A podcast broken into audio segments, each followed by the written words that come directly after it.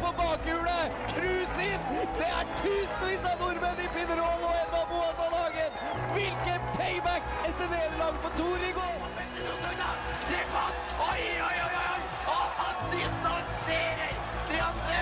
Se her! Det blir 100 meter! Det blir kilometer! Der kommer han, og han blir olympisk mester! Gullgutten Hvilken idrettsmann eh, Kjetil André Aamodt? Jan Øker! Øker ledelsen, han er halvsekundet foran. Den godeste gutten fra Rundsbygd! Hei og velkommen til en eh, spesial timeout-sending. Eh, I dag så skal vi ta for oss amerikansk fotball, og vi har fått besøk av Åsane Seahawks. Eh, Vi har ny quarterback Dylan Beasley og trener TJ Matsumoto. Dette intervjuet foregår for så vidt på engelsk, så dersom du ikke forstår engelsk så godt, så beklager jeg det. Welcome guys. Dylan, welcome. TJ, welcome. Great to be here. So, you're Americans and you're in Norway. I would like to know first from Dylan, how did you end up here in Norway? All right. So first of all, I wanted to play football in Europe. You know, after my season ended in America, I took about a week or two to reflect on things and decide if I wanted to keep playing, and I did. And so I went on this website called Europlayers, and then I was contacted by some teams, and the Seahawks were actually the first team to contact me.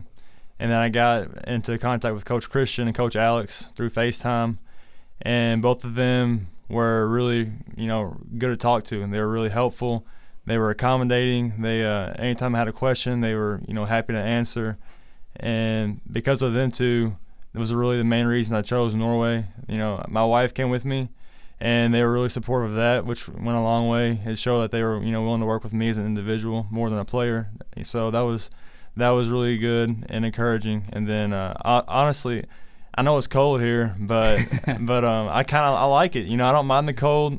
It's beautiful. I love scenery and it's this is an amazing city. It's very beautiful. I mean, all the views, the mountains, and the water. I saw that stuff on on Google, so I, I like that. And then, of course, like I said, Coach Alex and Coach Christian. What about you, TJ? How did you end up here? I actually found out about uh, the Åsane Seahawks uh, via one of my old college teammates. Um, he's actually playing um, in Germany right now for the Schwäbisch Hall Unicorns, um, and um, I was curious about the overseas experience, um, and he put me in contact with Christian. Um, a couple of Skype interviews later, um, I was lucky enough to get offered the position here, and I say, "Hey, let's let's go to Norway. It looks like an absolutely gorgeous country. Uh, when I got here, it definitely didn't disappoint. I'm originally from the San Francisco Bay Area. Um, actually, the view that we have right here very much reminds me of San Francisco, kind of on the hill. All the houses looking kind of uniform, but it's just so different because everything is a different color. Um, we're right here in the mountains. Um, the college that I played for and coached for uh, was in the Pacific Northwest, so this uh, Portland, Seattle area. So it's kind of a really nice blend between the Seattle area and the San Francisco area in terms of architecture and location. Um, just I'm, I was really excited to get over here and coach guys who want to do it for the right reasons. Um, in America, there's always um, a subculture to it. Like in high school football, it's to teach lessons. In college, sometimes it's really, really emphasizing on winning the game. Um, where over here, it's they're doing it for the love of it. I mean, we have guys who are old, older than both Dylan and myself coming to practice, and sometimes they have to hire babysitters, or sometimes a guy can't make it because hey, um, my babysitter's sick. Um, but they're just making so many sacrifices in order to play the game that they love. Um, so it's really, really inspiring, and it's awesome to be around. me and the other guys in the program, we've been out uh, at Åsane and had to practice with the guys, and that's something that stood out for us was the family feeling. Because I, I played soccer when I was younger, and in soccer you always have three or four guys that act like prima donnas. You have these egos, but we sensed that out in Åsane there was more of a team feeling, a family feeling, and you've grown up with American football in the U.S. Uh, how is that? You know, how is that experience from a young age playing this game? Have you sensed that family feeling all the time, being part of something bigger than yourself? Is that something that's kind of the appeal of American football? Well, Dylan. Yeah. So as far as that goes, there's not always a tight knit family feel for the my experiences. In high school, it was more of a you know cliques in my, my high school team. I mean, I got along with everybody, but there was still there was cliques. You know, I went to a real uh, farm area in Kentucky, and the farm boys, you know, hung out with each other mostly, and then you had the more athletic guys, kind of the jocks. I don't know if what you all call that over here, but it's just like the guys who are, Hmm. you know, really involved in the sports. They hung out together mostly, so the family feel wasn't as much. In college, I think that that was probably the most family feel ever had on a sports team. Was my college team. we all had a common goal. We wanted to, you know, win championships, and we all worked together and grinding in the off season, things like that. Really, a year-round process in college. It helped develop the family feel more than high school. I felt like, but you definitely feel that over here for sure. And they welcomed me with open arms from the from day one, which was awesome. So I always enjoy when you have a family feel with the football team. Yeah. Do you feel the same, TJ, that in Norway because you don't you don't play for any other reason than the love of the game. You don't play to get in the NFL. You don't play to get money. You don't pay. f you know you don't play for anything other than the love of the game. Is that something you feel is even more present here in Norway, or? Yep, absolutely. Um, to me, it, it does feel like a family. Uh, the biggest thing that I've noticed is just like we'll have kids who are 17 years old out there, and we have like I mean Tori is what 36 or something, um, and he's like literally helping him along. So it's really cool to watch just the, even though they're completely different ages, they're still all trying to get better and they're all trying to help each other. Because in football, it's one of those sports where at the end of the season, everybody's going to be tested. Um, in America, we have the saying at the end of the season, everybody's young and everybody's hurt. So you need to rely on the depth of your team. And you don't know if it's going to be your 36 year old guy or it might be your 17 year old kid who's going to get tested. So they're always pulling for each other and helping each other. Our head coach does a great job talking about family. Um, sometimes it's a little hard to understand him with his German accent, um, especially um, when he's speaking Norwegian for us because that's still obviously a foreign language. But he does a great job of promoting that family feel. Um, the competition is fantastic. I mean, it's a competitive sport. We're going to go and we're going to hit each other. But at the end of the day, we're going to pick each other up after the play. And it's a really, really good atmosphere. Practice is a lot of fun. We go out there, we compete, we teach. Um, it's an awesome deal to be around. And I want to talk to you about your expectations when you came over here. How did you feel? Which level of play did you think the guys were on? Were you surprised negatively or positively? Hopefully positively, but Well, I mean, definitely, you know, I've been playing football since I was five years old. So that's a lot different than what you get over here. So I was expecting, you know, a different uh, kind of feel for the game. You know, I knew that they weren't they wouldn't be as experienced as I am, but I was surprised to, for sure that there are more talent. There's more talent over here than I realized that there would be. Some of the receivers that I throw to, you know, that isn't. If I throw behind them a little bit, sometimes they still make the catch. You know, make me look better than I really am, Mm. which I, I like that when I have receivers who do that. And the lines, you know, doing a good job, working hard, progressing and the running backs are, are really talented. We got some DBs and some defensive guys that are, are a lot better than I thought they'd be. So I was surprised in a good way, and the coaching staff is, is really good.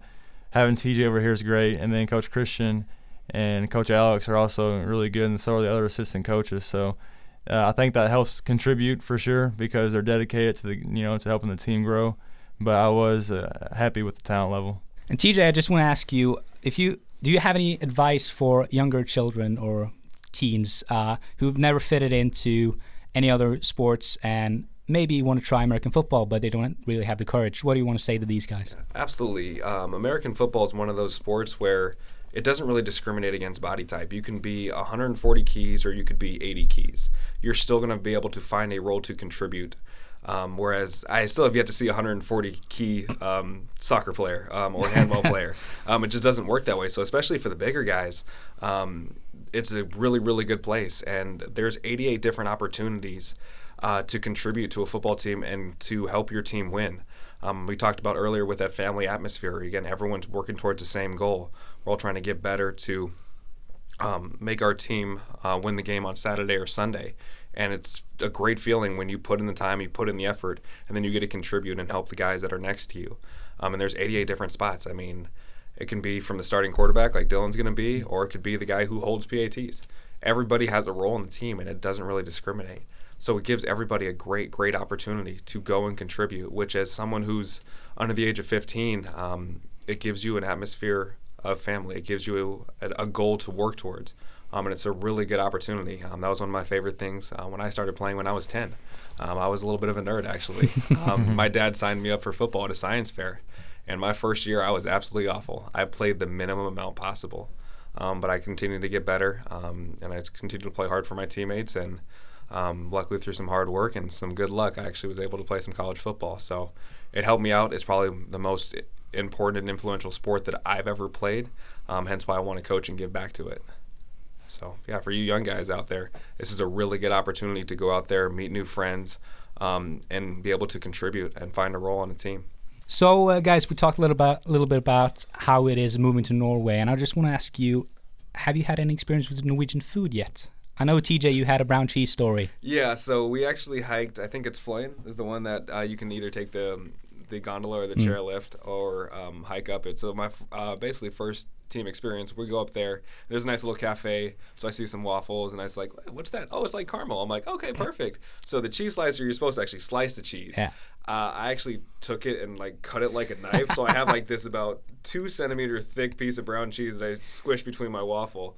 Um, and then I realized that I didn't like brown cheese quite that much. You didn't like it? Um, I mean, it was it's it's good in small dosages, not in two centimeter thickness. Like I, you cut it like a legit slice of cheese, and that was not the way it was intended to be consumed. I think that it's a very Norwegian kind of food, and I think it's mislabeled when you call it cheese because it doesn't taste like cheese. It tastes like some sort of caramel or something. It's Like- like it's like a really weird salty aftertaste Yeah. caramel. It was. I'll try it once, and I think I'm good. Yeah. you, Dylan, you had a you had a mackerel experience. I sure did. Now the brown cheese I actually like, but the mackerel I did not like.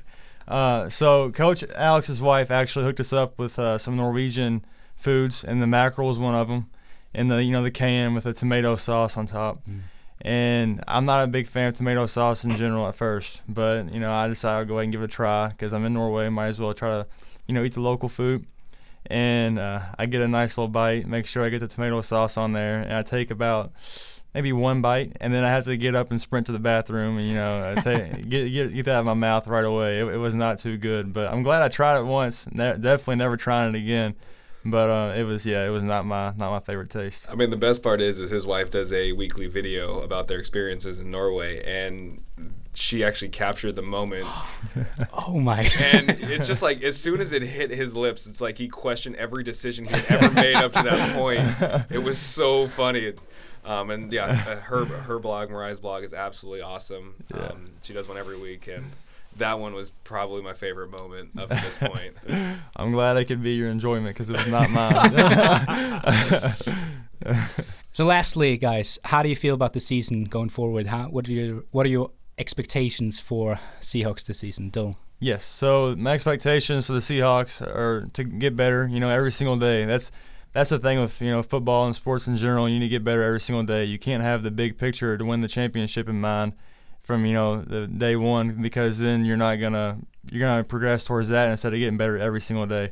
So get better every day. You know, go go one and zero each week once the season starts, and then we'll progress down the road. And then you know the the ultimate goal is to win the championship and you know but hopefully we have a good experience and the guys grow and the sport of football american football can grow and these guys can become more experienced and you know more comfortable with it but definitely i would like to win a championship by the end of the season You, TJ, as a coach, what's your expectations? As a coach, I mean, that's he. He said it best. I mean, he's going to get into coaching. You can just tell Yeah. already. um, he the focus has always got to be on getting better um, and getting your teammates better and focusing on that. Um, obviously, results are what everyone cares about. You want to get to wins and losses, um, and we've got a very good team. Um, we've got some guys who can win some one-on-ones. We've got coaches that will create winnable one-on-ones for those guys.